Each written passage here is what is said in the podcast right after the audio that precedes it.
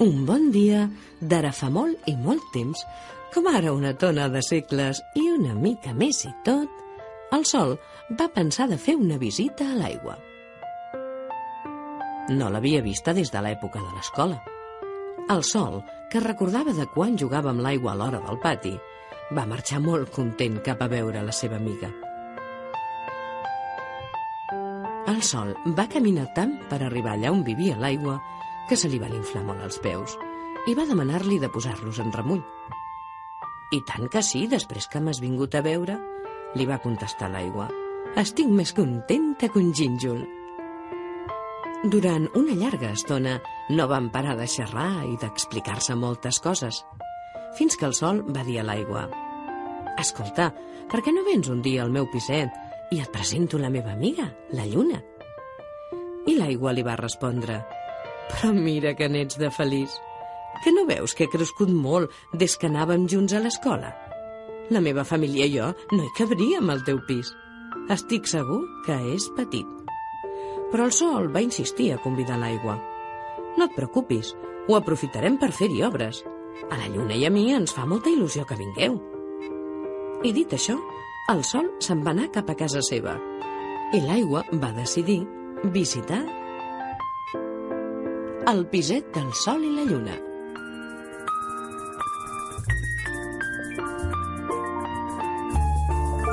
El piset del sol i la lluna era petit, però molt acollidor. El sol i la lluna, que feia temps que vivien junts i s'estimaven molt, havien fet d'aquell piset un lloc agradable on viure molt feliços. Ha arribat l'hora de fer unes quantes reformes, va dir el sol a la lluna. Llavors li va explicar que aviat rebrien la visita de l'aigua i la seva família i calia fer la casa una mica més gran perquè hi cabés tothom. Molt bé, tu que ets tan manetes ho faràs molt bé, li va contestar la lluna. I el sol, sense perdre ni un segon, es va posar mans a l'obra.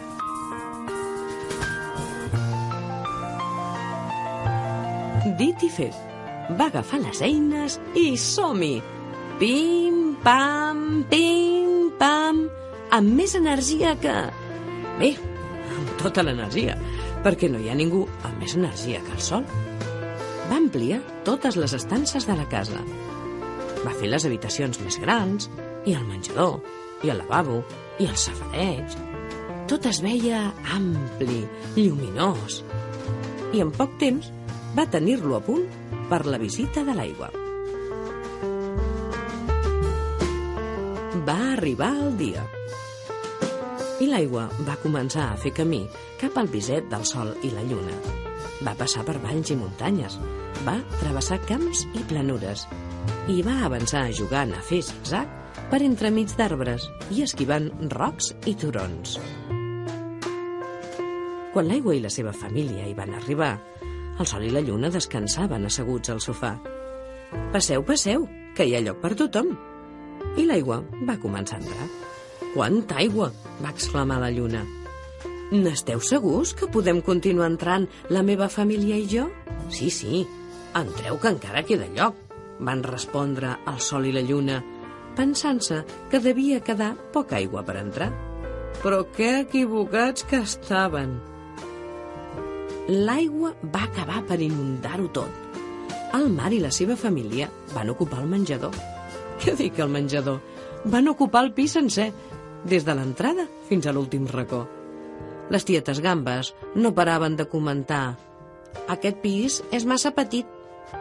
I el cosí peixet, que era molt distret i s'estava fent pipi, preguntava sense parar «On és el lavabo? Que algú m'ho digui o se m'escaparà aquí al mig». L'oncle Tauró també hi era, i l'avi Pom, i els germans Peix Espasa i Peix Globus. I enmig de tota aquella gentada, el sol i la lluna es trobaven submergits i desorientats. Glup, glup, glup, glup. I com van poder, van començar a fer-se senyals l'un a l'altre, dient-se que havien de pujar fins a la superfície com fos, o s'ofegarien. Glup, glup, glup, glup. Quin espant! Gairebé ja no els quedava aire. Finalment, el sol i la lluna van reaccionar. Van agafar molt i molt d'impuls i van sortir disparats.